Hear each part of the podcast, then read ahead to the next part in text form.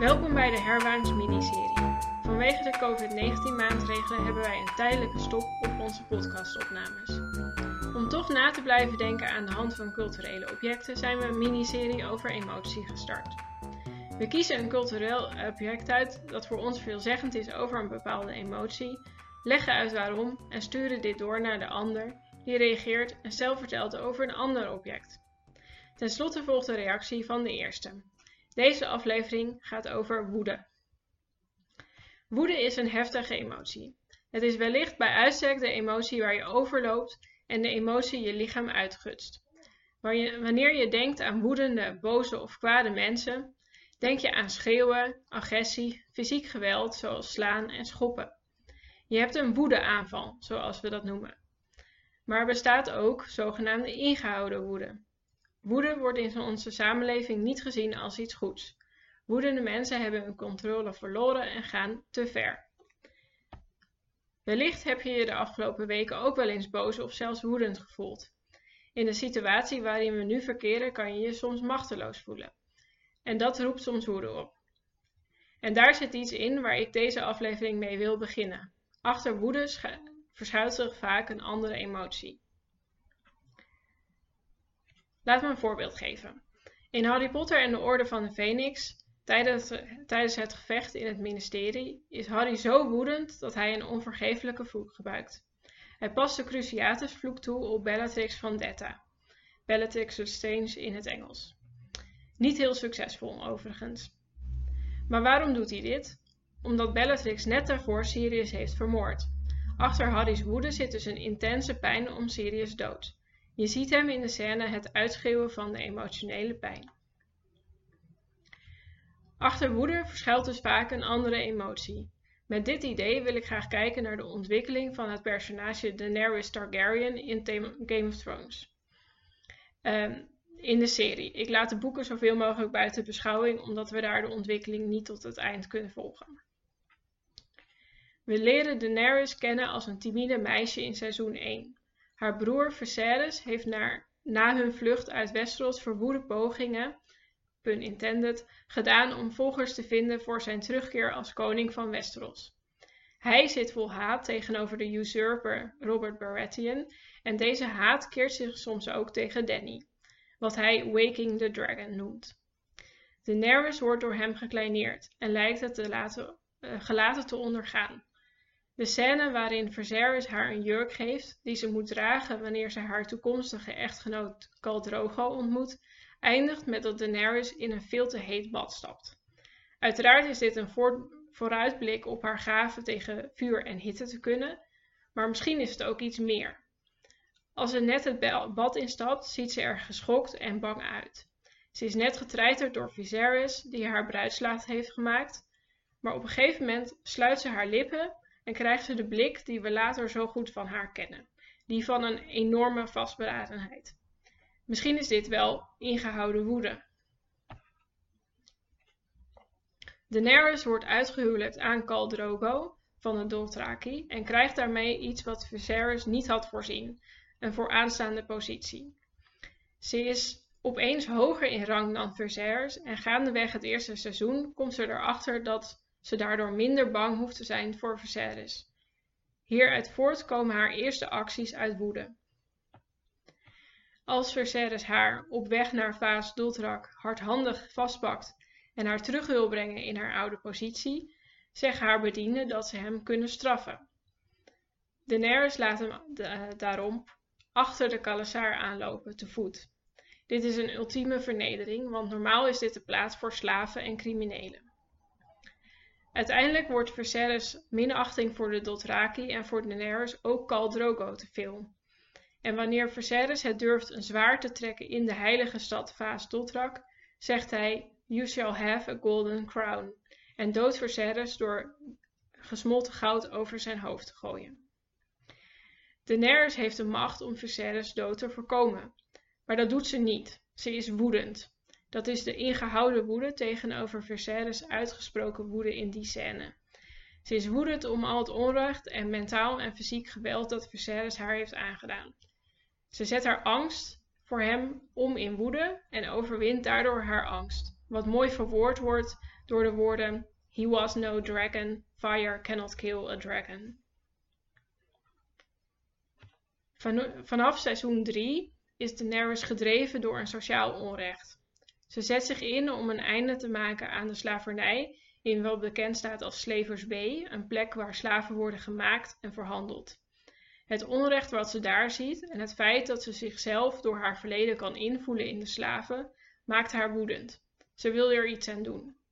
Ze doodt alle slavenmeesters van Estepor en laat een van haar draken, slavenmeester Krasnis, verbranden. Als een van de velen die met Daenerys heeft meegeleefd vanaf seizoen 1, voel je na deze scène de rechtvaardigheid van de uiting van woede door het televisiescherm heen komen.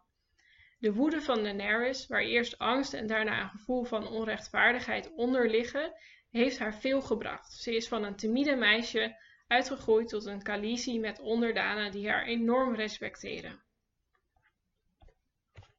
Dit is in tegenstelling van wat bijvoorbeeld de stoïcist Seneca van woede vond. Hij schreef een essay over woede, waarin hij stelt dat woede een slechte emotie is, die niks dan goeds brengt. Maar bij Daenerys zien we dat woede ook tot actie kan aanzetten. En dat die actie bij Daenerys tot meer zelfvertrouwen leidt en tot het afschaffen van slavernij in Estepor. Dus waarom denkt Seneca dan dat woede zo slecht is? Laten we kijken wat Daenerys nog meer doet. Na Estepor trekt ze verder met haar leger om andere slavensteden te bevrijden. De meesters van de slavenstad Meereen verwelkomen haar optrekkende leger met een macabere optocht van gedode slavenkinderen die wijzen in de richting van de stad. In totaal 163.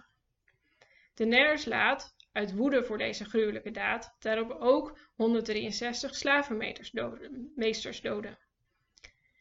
Als ze een paar seizoenen later gevangen is genomen door de Dothraki, die menen dat ze zich moet voegen bij de weduwe van alle kaals, iets wat ze uiteraard niet wil, laat ze de tent met daarin alle kaals afbranden en herhaalt daarmee het trucje om zelf ongeschonden uit het vuur te stappen. Meer en meer lost Daenerys problemen op, of eigenlijk ze ruimt ze uit de weg, door alles maar plat te branden, geholpen door haar draken. Iets wat steeds duidelijker wordt ook wanneer ze uiteindelijk in Westeros is en bijvoorbeeld de Tarlys, die weigeren te buigen voor haar als koningin, ter dood brengt door drogen ze te laten roosteren. Je zou kunnen zeggen dat de draken een symbool worden voor Danny's woede, de fysieke uiting van haar emotie. Haar gezicht is nog steeds de ingehouden woede van altijd. De emotionele uitbarsting zit in het drakenvuur. In de laatste 1-2 seizoenen wordt Daenerys steeds achterdochtiger, niet geheel onterecht. Ze wilde volgens haar gerechtvaardigde plek als koningin van Westeros opnemen en is bang dat anderen haar tegenwerken of uit de weg willen ruimen. Ze is boos op Tyrion omdat ze hem verdenkt toch sympathie te hebben met zijn zus en broer. Ze is boos op Varys omdat hij haar tegen haar samenspant en ze laat hem door Drogon verbranden. En ze is boos op Jon Snow omdat ze hem ervan verdenkt zelf koning te willen worden nu we zijn echte afkomst kennen. In de aanloop van de grand finale van de serie vermoordt Cersei Danny's rechterhand en boezemvriendin Missandei. Dit geeft Daenerys zo'n grote haat tegenover Cersei dat ze net zoals haar vader de madness krijgt waar de incestueuze Targaryen-familie berucht om is. Haar woede neemt zulke erge vormen aan dat ze heel King's Landing platbrandt met behulp van Drogon en vele, vele onschuldige levens neemt. Voor veel fans van Game of Thrones en van Daenerys was dit nogal een shock. Maar we zien de aanloop naar deze woedeuitbarsting al vanaf het begin stilletjes aan kracht winnen. Want was de actie waarin ze Xaroxan Doxas uit Kart en haar voormalige dienares Dorea opsluit in de lege kluis van Saro en ze daar laat creperen niet meer een handeling van vreedheid en ongecontroleerde razernij dan een gerechtvaardige straf voor hun misdaden? Hierin kan je denk ik zien waarom Seneca woede een slechte emotie vindt. In één stuk van zijn Over woede praat hij over woede in de context van de rechtspraak. Als je woedend bent over onrecht dat bijvoorbeeld je naaste is aangedaan, dan haal je uit. Seneca zegt: want geen, want geen emotie verlangt vuriger te straffen dan woede. Maar als je rechtvaardige straffen moet uitdelen, moet je vanuit de reden denken volgens Seneca. Nu zijn die rechtvaardige straffen bij Seneca nog steeds best wel gruwelijk, want iemand in zee gooien in een zak met dieren erin bijvoorbeeld. Maar goed, er zit wel iets in zijn idee, toch? Daenerys dacht ook dat ze rechtvaardig was. Ze handelde vanuit de overtuiging het onrecht van de slavernij aan te pakken. Maar haar woede leidde haar weg van de redelijkheid. Iets wat vele van haar adviseurs, zoals Berenstain Selmy, Tyrion en Jorah Mormont, haar hebben proberen te vertellen. Haar straffen waren niet redelijk, toch? Ze kwamen voort uit woede. Ik denk dat je met Daenerys' ontwikkeling in Game of Thrones twee dingen kan laten zien over woede. Ten eerste, woede heeft een onderliggende emotie, wat het triggert, zoals bijvoorbeeld angst. En ten tweede, woede leidt tot actie. Dit kan goede actie zijn als je de woede weet om te zetten in positieve dingen zoals zelfvertrouwen ontwikkelen of het opnemen tegen onrecht, maar het kan ook tot slechte actie leiden. Het kan leiden tot het vernederen of fysiek schaden van anderen. Dus als je boos bent, denk dan: wat zit hierachter en hoe kan ik deze energie ombuigen tot positieve actie? In het volgende deel van deze aflevering zal Wessel zijn verhaal vertellen over de emotie woede. Ja, woede. Interessant dat je hebt gekozen voor een tekst die erover gaat dat woede meteen ook eh, in verband wordt gebracht met controle door Seneca. Ik heb zelf de Stoïcijnen ook erg hoog zitten, dus ik heb ook het idee dat woede een, een eh, zelfdestructieve kant heeft. En dat komt natuurlijk omdat woede de overhand krijgt en ervoor zorgt dat je geen controle meer hebt over wat je doet. En dat kan goed zijn op momenten van rechtvaardige razernij, waarbij je uh, meer zou kunnen bereiken dan je zou kunnen doen als je wel goed rationeel nadenkt. Op dat moment kan je dus ook enorme hindernissen overwinnen, zoals je bijvoorbeeld aangeeft bij Harry Potter en bij Daenerys. Um, maar in het overstijgen van die grenzen ligt ook het gevaar. Want je kunt een speelbal worden van de emotie die je drijft. En dat is ook duidelijk te zien bij Daenerys. Ze heeft zoveel macht en ze krijgt zoveel positieve respons op de het geweld wat ze toepast en de woede die ze uit door haar draken, dat ze alle obstakels verplettert, maar ook de eigen grenzen uh, overschrijdt. En ze hoort de adviseurs niet meer en ze is eigenlijk zelf ook veranderd ten opzichte van wat ze eerst wilde en wat ze eerst uh, goed vond. Uh, ik neem aan dat ze ook wel ziet dat het platwanden van een stad eigenlijk uh, rationeel net zo erg of erger is als uh, tot slaaf maken van een hele stad. Ik wil graag praten over woede aan de hand van uh, Star Wars Knights of the Old Republic. Dat is een spel van de, voor de Xbox gemaakt in 2003 door een bedrijf genaamd BioWare. Um, en in dat spel wordt de traditionele zwart-wit denken, wat heel erg in Star Wars zit, doorbroken. Omdat je als speler keuzes kunt maken voor het zwarte of het witte, dus de light side en de dark side of the force. Um, je, je leidt een team van karakters uh, en je, je beleeft een avontuur. Uh, we hoeven het over het pot niet echt te hebben, maar de, het spelmechaniek werkt als volgt: dat je dus door die karakters wordt aangemoedigd om beslissingen te maken die het beste zijn voor iedereen, of dingen die uh, voor jou die, die zorgen dat jij bereikt wat jij wilt. Uh, en daarmee kom je, kom je eigenlijk, word je eigenlijk steeds voor de keuze gesteld: wat doe je op momenten dat je heel emotioneel bent, of dat je veel beter kan bereiken wat jij wilt als je gewoon iemand kwaad doet. Want je bent natuurlijk een machtig karakter in dat spel. Um, en je kunt dus een rechtvaardige Jedi worden aan de ene kant, die altijd het goed van de ander dient en zichzelf eigenlijk wegcijfert. Of je kunt een heel egoïstische Sith worden, dat zijn de, krijgers aan de duistere kant die eigenlijk elk verlangen meteen verwezenlijkt met zijn eh, krachten en daar geweld of manipulatie voor gebruikt.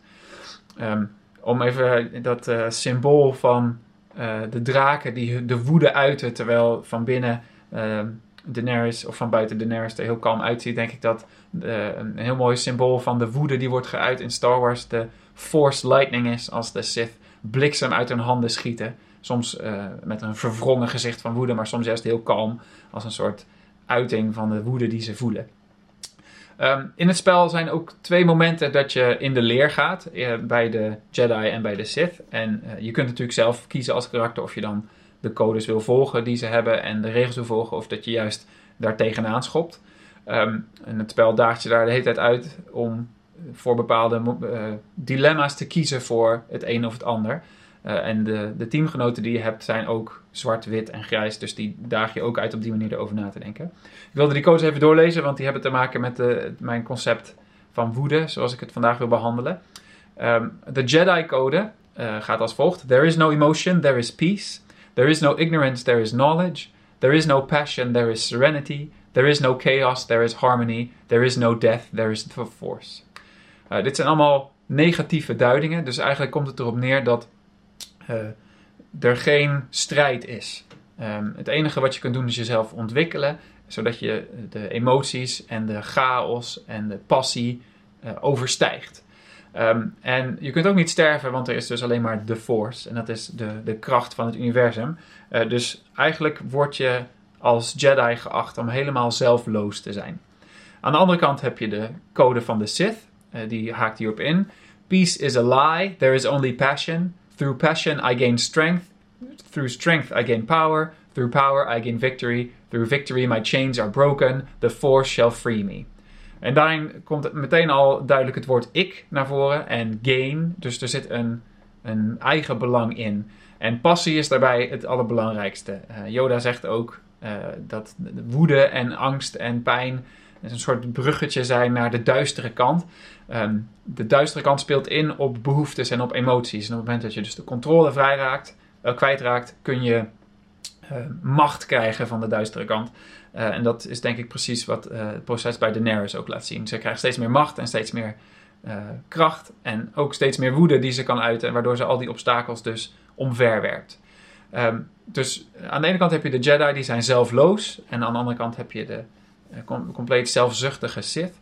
Maar alle twee worden ze eigenlijk beheerst door de Force. Ze worden een vehikel voor de kracht. Dat wil ik graag even koppelen aan Simone Weil. Dat is een Franse filosoof. Die heeft een essay geschreven in 1945 dat heet um, The Iliad, The Poem of Force. Of in het Frans l'Iliade, The Poem du Force. Um, en dat is vertaald door Mary McCarthy.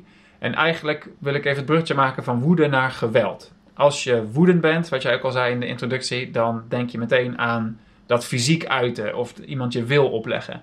En in dit essay heeft Simone Weil het over force als een soort concept aan de hand van de Iliad, het uh, epos. En um, ze, ze definieert dat als force is that act that turns anybody who is subjected to it into a thing.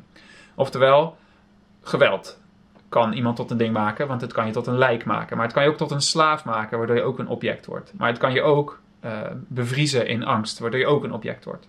Maar het interessante aan het essay is dat het eigenlijk uh, zegt dat zowel degene die geweld uit, de woede uit, een object wordt, um, omdat het een speelbal wordt van die emotie. Force is as pitiless to the man who possesses it or thinks he does as it is to its victims. The second it crushes, the first it intoxicates. The truth is, nobody really possesses it. The human race is not divided up in the Iliad into conquered persons, slaves, suppliants on the one hand, and conquerors and chiefs on the other. In this poem, there is not a single man who does not at one time or another have to bow his neck to force.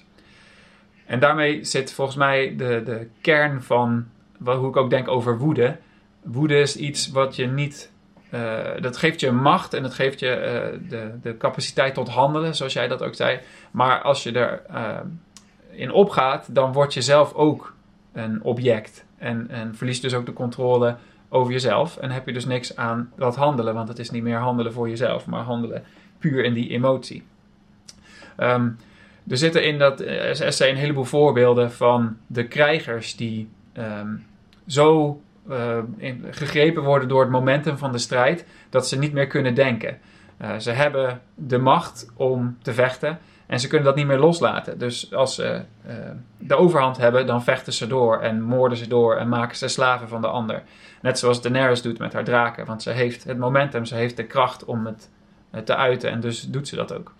Um, en in de Iliad gaat dit heen en weer. De, aan de ene kant heb je de, de Griekse strijders, aan de andere kant heb je Theben. En die gaan tegen elkaar in en daar zit een soort dynamiek in heen en weer. Maar het is nooit zo dat eentje wint, want uiteindelijk wint geweld op zich. De force is daar een soort kracht die daartussen hangt. Ehm, en ik denk dat je dat ook terugziet bij Star Wars, waarbij het natuurlijk altijd om de strijd tussen goed en kwaad gaat. Ehm, maar in beide gevallen verliezen ze zichzelf. De Jedi zijn helemaal zelfloos, hebben geen kern van zichzelf meer, want ze stellen zichzelf helemaal in dienst van de Force. Ze kunnen ook niet anders, want ze denken dat ze anders Sith worden. En die zijn helemaal zelfzuchtig. Maar aan de andere kant, de Sith bereiken ook nooit wat ze zelf willen, want ze worden helemaal gecorrupteerd door de, de passies die ze voelen. En er zijn allemaal verhalen van duistere Sith die uh, uiteindelijk ook in de valkuil belanden dat ze te kwaad zijn of achterdochtig of paranoïde of uh, geweld van hun nadestaanders uh, of medestanders op zich afroepen omdat ze ze verraden enzovoort. Um, ik zou dus zeggen dat het belangrijkste stukje hier is dat er een, een andere manier moet zijn. En in het spel Knights of the Old Republic wordt het ook een beetje gesuggereerd door de grijze karakters, die dus niet zeggen dat je jezelf helemaal moet opgeven, zoals de Jedi, maar ook jezelf niet moet verliezen in emoties, zoals de Sith. Maar dat je een soort zelfbewuste manier moet vinden om met de Force om te gaan. En dat is eigenlijk ook wat ik zou zeggen dat je met woede zou moeten doen. Um, er zit dus niet zelfloosheid in of zelfzuchtigheid, maar zelfbewustzijn. Je moet een manier vinden om als je woedend bent, die woede niet jou te laten drijven. Uh, en ook niet je woede gewoon kwijt te schelden als een soort uh, heilige Jedi. Maar om te voelen wat het dan is dat je wil met die woede. En wat het, het, het, hetgene is wat je zou willen bereiken. En je dus niet overgeven aan de emotie om het dan maar te laten gebeuren. Want dan doe je anderen kwaad en dat is uiteindelijk ook zelfdestructief. Maar het op een manier te proberen te doen waardoor je op een gebalanceerde manier, eh, op een zelfbewuste manier die woede inzet of erkent om eh, te handelen, zoals jij het eigenlijk ook al zei. Volgens Simone Weil is dat overigens bijna onmogelijk, omdat zodra je toegeeft aan geweld als force, uh, is het ofwel uh, hetgene wat jou vernietigt, ofwel je overwint tot het punt dat je de, de grip erop kwijtraakt en dan heeft de ander uh, de force aan zijn kant en, en word je daar alsnog weer door vernietigd, uit wraak bijvoorbeeld. Um, en in Star Wars kun je ook zien dat het bijna geen uh, middenin mogelijk is. Maar ik denk dat we kunnen hopen dat zolang we geen draak aan onze kant hebben en geen enorme force krachten, dat het misschien makkelijker is om bij die woede uh, niet al te veel schade aan te richten aan je omgeving, maar hooguit te zien dat je je vrienden uh, pijn doet door heel woedend te reageren of door in actie te komen. En dat het misschien makkelijker is om daarbij zelfbewust om te gaan. Dankjewel voor deze kijk op woede. Ik ga nu nog even kort een reactie geven. Wat ik mooi vond was de oppositie tussen mensen die woede volledig afwijzen, uh, zoals de Jedi, maar bijvoorbeeld ook Seneca en de Stoïcisten, en die zichzelf daardoor verliezen door zelfloosheid. En de mensen die zich te veel laten meeslepen door woede um, en daardoor door zichzelf verliezen door zelfzuchtigheid, zoals bijvoorbeeld de Sith, maar ook uh, Daenerys in mijn voorbeeld. De logische vraag daarna is natuurlijk hoe kom je in het grijze gebied? Hoe zorg je dat je uh, als je woede ervaart bij jezelf blijft en um, vanuit een zelfbewustzijn handelt? De vervolgvraag daarna is natuurlijk, kan dat wel met woede? Uh, volgens mij is dat ook wat Simone Weil zegt in jouw stuk, Wessel. Um, maar wat ik ook mooi vind in wat je zei in je stuk was dat het een keuze werd. Doordat je die oppositie hebt tussen zelfloosheid en uh, zelfzuchtigheid en dus hetgene wat daartussenin zit, wordt het een keuze wat je, doet, wat je gaat doen met de woede die je ervaart. Um, en daarbij moest ik denken aan de troop van de sterke boze vrouw die je tegenwoordig heel vaak ziet. Uh, een troop is iets wat herhaaldelijk voorkomt, een motief wat herhaaldelijk voorkomt. En uh, je hebt nu bijvoorbeeld voorbeelden zoals Greta Thunberg of Alexandria Ocasio-Cortez, die heel mooi geportretteerd wordt in Knockdown the House, uh, dus een documentaire op Netflix. En dit zijn um, sterke vrouwen die hun boosheid inzetten om te vechten voor onrecht. Dus zoals Daenerys doet, maar dan denk ik op een um, grijzere manier. Een ander voorbeeld wat je kan noemen van een, sterke boze vrouw tegenwoordig is het fictieve personage Katniss Everdeen van de Hunger Games. Um, maar waar ik het, wat ik misschien een betere manier nog vind van je woede inzetten uh, op een positieve manier is de, de TED Talk We Should All Be Feminist van Chimamanda Ngozi Adichie uh, uit 2012. Um, en wat je daar ziet is dat zij heel beheerst blijft. Ze is eerder vrolijk en uh, ze lacht dan dat je haar woede ziet. En um, ze maakt heel kundig een punt dat voortkomt uit haar gevoel van onrechtvaardigheid. En ze zal best boos zijn, maar dat is niet iets wat je aan de oppervlak ziet van wat zij daar doet. Um, nou kan je je natuurlijk afvragen, is ze daadwerkelijk wel boos? Maar ik denk, als je haar speech ziet, dat je wel kan veronderstellen dat daar enige boosheid onder ligt. Um, wat heel mooi is aan deze speech is dat het uh, gebruikt is, gesampled is door Beyoncé, zoals we waarschijnlijk allemaal wel weten, in haar uh, liedje Flawless. En ik denk dat deze twee voorbeelden heel goed laten zien dat er een hele dunne scheidslijn ligt tussen het grijze gebied van woede op een positieve manier inzetten en zelfbewust ergens voor staan, zoals Chimamanda Adichie doet, denk ik. En uh, het toch weer te ver je laten meeslepen in de woede. En ik denk dat het liedje van Beyoncé ofwel net onder ofwel net, net voorbij die grens is. En uh, wat je ziet is, in tegenstelling tot de speech van Adichie, uh, is het, uh, de clip van, van Flores is veel rauwer en bozer in zijn, zowel in zijn esthetiek als in zijn, in zijn woorden. Het heeft een heel andere retoriek. Je kan zien de ogen van Beyoncé spuwen echt woede. Uh, je hebt vuur in olievaten. Het is uh, zwart-wit. Het is heel uh, rauw gefilmd. Ehm, en er komen ook woorden voor als bow down bitches of ehm, goddamn. En dus zowel Adichie als Beyoncé gebruiken woede voor een feministisch standpunt. Ze zijn, sterker nog, ze zijn in dit liedje en de speech aan elkaar uh, verbonden, omdat de speech wordt gesampled in het liedje. Maar ze gebruiken woede allebei op een andere manier. En ik denk dat het goed laat zien en ons goed laat nadenken van waar ligt de grens tussen het grijze gebied van uh, op een zelfbewuste manier omgaan met jouw emotie woede of toch um, te ver gaan en je te veel laten meeslepen. Dus dit is misschien een uh, mooi voorbeeld om deze uh, vlog mee op, af te sluiten. Is uh, kijk naar de troop van de sterke boze vrouw en vraag je af wanneer gebruiken ze hun woede op een grijze manier en wanneer is het zwart of misschien wel wit. Volgende uh, aflevering gaat over eenzaamheid.